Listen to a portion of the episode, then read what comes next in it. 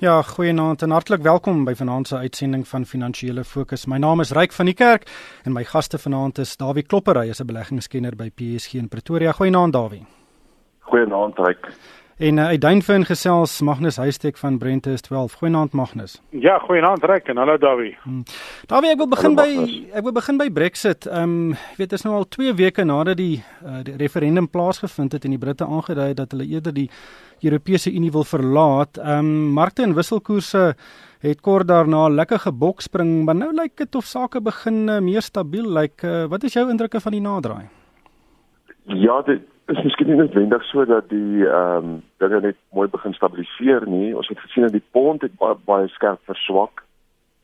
Ons het gesien dat ehm um, eiendomsfondse in Brittanje het hulle uitbetalings gestaak omdat daar soveel onttrekkings eers skielik gekom het ons het gesien dat ehm um, eiendoms of liewers wat staatseffekte koerse het nou in die naderdraai van Brexit skerp skerp gedaal. Soveel so dat in Switserland daar nou 50 jaar effekte is wat negatief is. In die FSA die 10 jaar staatseffekte koerse tot by 1.36% gedaal. Dit was so 6 maande terug hier by die 1.9%. So gesien dat die goudprys het skerp gestyg. Dit het van 1100 dollar in Januarie tot by 1360 dollar gestyg en ook nou in die onlangse verlede het dit weer weer verder begin styg. So ek dink nog nie dat die hele uitval is heeltemal oor nie. Hmm. Magnus, uit 'n Suid-Afrikaanse perspektief?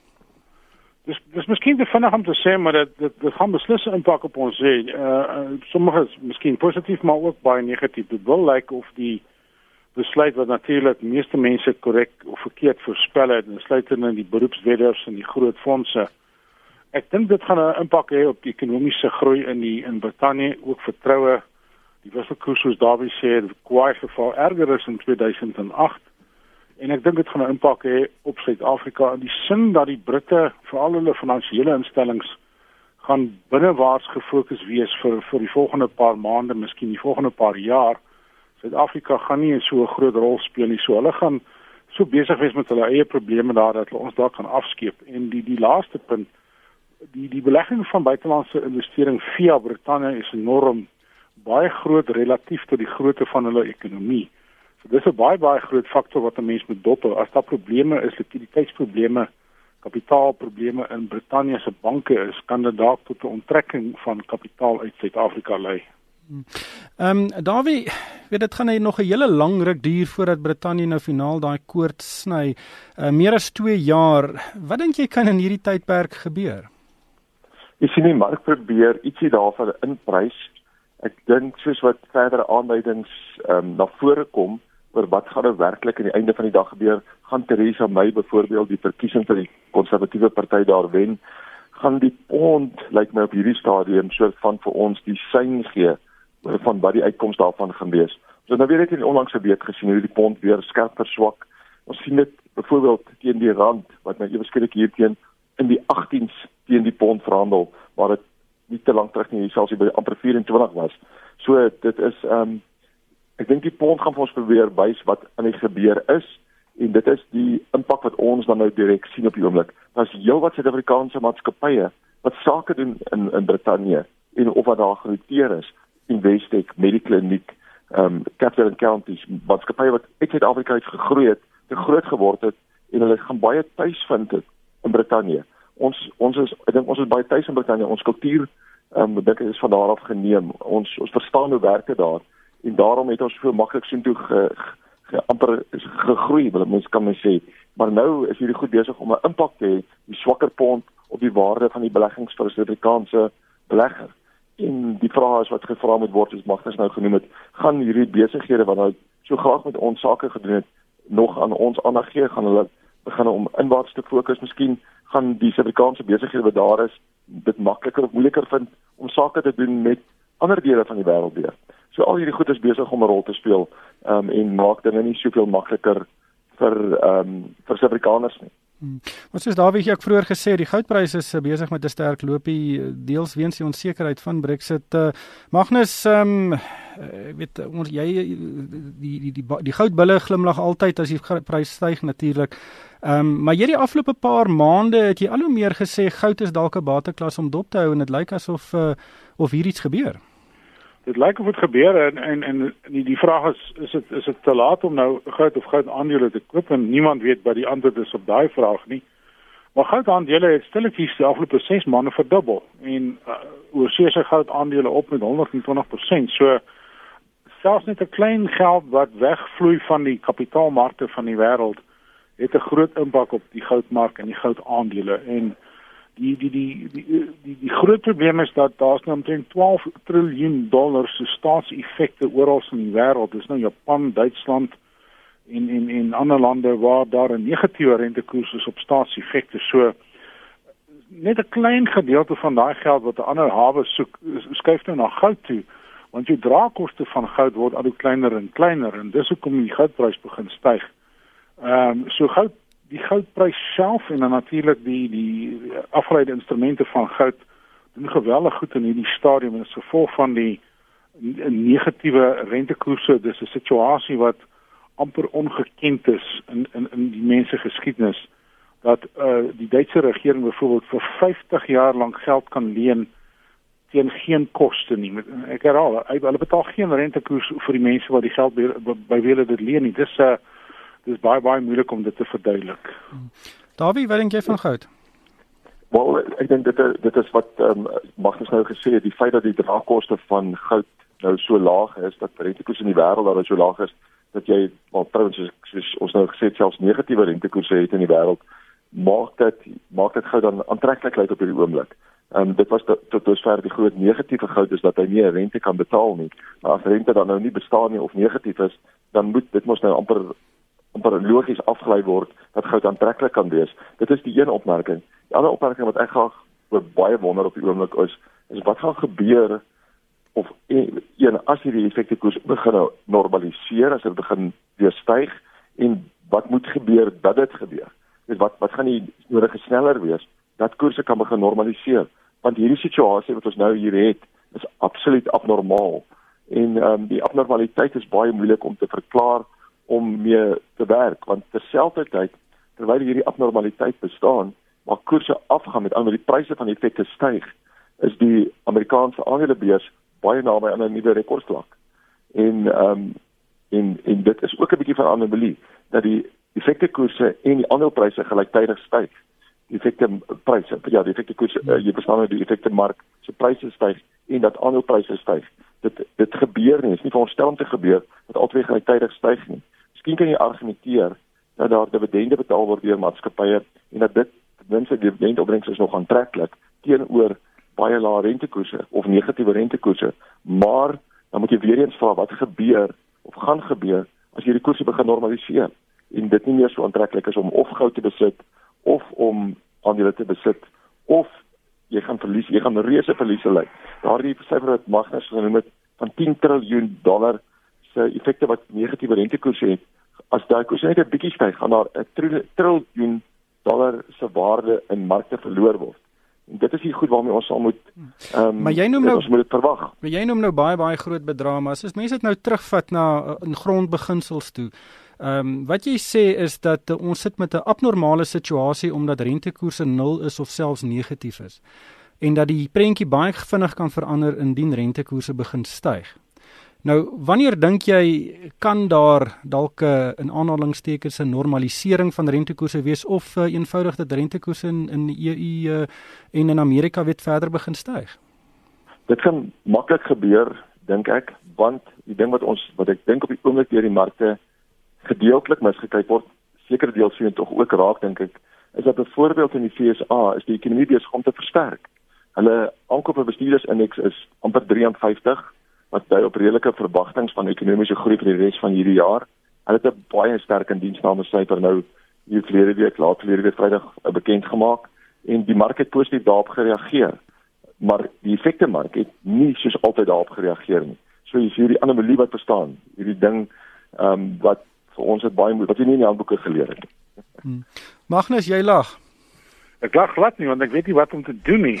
Uh ons sit in 'n redelik uh met baie groot gevaar wat jy weet nie net die uh die die die die aandelemark en die effekte mark wat styg nie, jy het ook die dollar wat sterk is wat ongewoon is en dan sien nog van 'n Suid-Afrikaanse oogpunt het jy ook nog die rand dollar uh wisselkoers wat jy in gedagte moet hou. So dis 'n baie baie moeilike spel in hierdie stadium. Daar's baie baie balle in die lug. Dit gaan baie maklik wees om een of twee van hulle te laat val. Ons leef in ons ons leef in redelik ongekende tye. Ja, maar daar is die Engelsman sê ook if it's too good to be true, it normally is. Nou Ehm um, vir al die Amerikaanse mark, ehm um, die um, ekonomie is regtig nie baie sterk daar nie, maar die markte is geweldig sterk en dit is ook sterk soos wat uh, Dawie gesê het weens ander faktore as uh, die verdienste syfers van daai maatskappye. Ehm um, as mens nou uh, as jy nou vir 'n belegger moet raad gee, weet op baie breë terme, weet mens moet versigtig wees, maar hoe is jy versigtig? Ek dink die kwessie is iemand die die die wat ons dink die nog steeds die sterkste bateklas is in die onsekerte tye is globale maatskappye met globale inkomste wat vir die grootste kans op op op diversifikasie bied. Dis die dis die Apples en die Googles en die die Facebooks en so aan uh, en daar's baie meer uh, wat vir globale diversifikasie kan gee. Waterklasse soos effekte is baie baie riskant soos daar wie sê as hulle net opspring met 1 of 'n halwe persent is daar 'n bloedbad so uh, ek is bang daarvoor, miskien 'n bietjie goud maar ek sou bly by die prima of die sogenaamde blue chip aandele op die Amerikaanse beurs as die beste van 'n van 'n van 'n swak spoor bates in hierdie stadium. Hmm. Davie, ryk ryk ek sê graag wil byvoeg dat daardie aandele wat wat Magnus nou genoem het, ja, beslis ja vir hulle. Ons moet net ook doodseker maak dat ons nie te veel vir hulle betaal nie. Die prysverdienste van daardie maatskappye moet mens ook net bietjie oorbesin. Ek dink as jy hier oor die 22 prysverdienste begin betaal vir besighede, dan loop jy ook die gevaar dat jy kan 'n bietjie 'n um, negatiewe vir 'n lang tyd nie baie verder 'n goeie groei vir kry nie. So jy gaan ook jou aandele seleksie gaan baie fyn moet gedoen word. Hmm. Inderdaad. Ehm um, Magnus, uh, ek wil 'n bietjie die gesprek verskuif na die plaaslike ekonomie. Die internasionale monetêre fonds het hierdie week 'n verslag bekend gemaak uh, waarin die, die groep sê hy verwag dat Suid-Afrika vanjaar met net 0,1% gaan groei. Nou ek neem aan dit is maar net 'n uh, weet 'n arbitreëre nommer om te sê ten minste gaan ons aan die regte kant van 0 wees. Ehm um, maar die tesourier toe gereageer en gesê sy vooruitskattinge is nie so negatief nie. Uh wat maak jy hiervan? Ja, dit is nogal verstommend dat jy net die uh IMF en die SA tesourier wat mekaar bietjie weggeveg het oor 'n halwe persent groeikoers die kant toe of daai kant toe wat die tesourier nie kan wegpraat nie is die dalende neiging van ons groeikoers. As jy 'n jaar terug gaan Dit was in Oktober toe die IMF e nog gesê 1.7% vir 2016. Begin van die jaar was dit af na 0.9% toe en nou is dit 0.1%. So dis 'n wesenlike afwaartse aanpassing.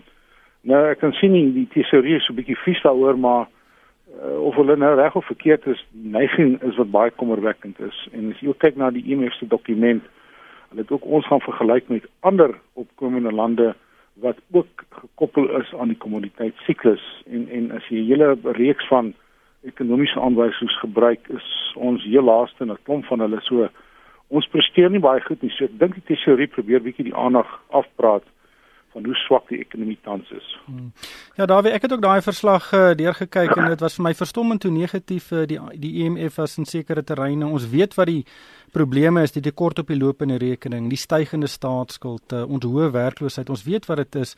Maar aan die ander kant kyk ek na die tesorie se se stellings en ek sê ek kan nie sien waar die groei vandaan gaan kom nie. Ek kan nie die ekonomiese sektore sien wat vir ons daai groei gaan gee nie. Ja, dit is seker 'n goeie vraag waar dit vandaan kom. Die een ding wat nou al 'n geruime tyd tog 'n bietjie misgekyk word in Suid-Afrika is ons eie aankope bestuurdersindeks wat deur die Bureau vir Ekonomiese Onderzoek in Stellenbosch gepubliseer word wat ook naby aan 53 staan wat van die hoogste groei van die syfer van die hoogste van hierdie syfers is wat op die oomblik in die wêreld gerapporteer word en dit word toegeskryf en dit is 'n bietjie 'n antwoord op die vraag oor waar gaan die groei vandaan kom dat ons tog 'n bietjie invoer vervanging gaan hê as gevolg van die swak rand dat ons uitvoere nie te sleg vaar nie as gevolg van die swak rand dat ons toerisme kan gedei in hierdie omstandighede. Ook waar ons en nou dit ons moet sê dit met ons moet ook dit nie aanpraat nie. Ook nog geen terreur aanvalle gehad het in Suid-Afrika nie. Maar hierdie goed ehm um, kan kan tog tot heel wat groei aanleiding gee. Die ehm um, daar's politieke onsekerheid in die land. Na die verkiesing kan van hierdie goed bietjie op sy geskuif word. En dan kan dit begin beter gaan met die ekonomie. So hierdie um, aankope bestuurders indeks dui daarop dat dit later vanjaar heel sterk en ons heel stewiger groei kan kry as hierdie 0,1% waarvan daar nou gepraat word. Die 0,6 moet eers dink ek moet steeds op die tafel wees as ons na hierdie syfer kyk. En trouens, hierdie syfer sou eintlik vir ons sê dat die groei moet hoër wees as wat ehm um, as wat op die oomblik deur die tesorie self voorspel word. Hmm.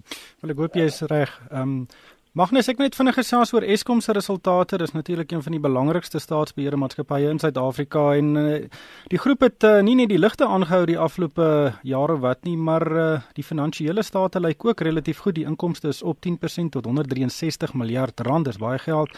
En die netto wins is um, amper 60% op op 4 miljard rand. Uh, Hoe lees jy die resultate die resultate? Ek en en net dop uh die die syfers lyk lyk goed as gevolg van die gewellige afname in die vraag na elektrisiteit. So hulle hulle kom hulle, hulle speel 'n bietjie met syfers daar en as jy kyk na die nuusberigte wat ook vandag uitgekom het oor die gewellige stygings in in die twee kragstasies wat ons bou. Hulle praat nou van 300 miljard en Chris Jelen van die Energy Intensive Users Group praat van 400 miljard vir daai twee kragstasies en dat hierdie waarborge deur die regering geteken moet word, is dit 'n baie negatiewe syfer. So ek ek so bietjie skepties oor die goeie finansiële nuus van Eskom. Dis meer omdat ons baie minder krag gebruik.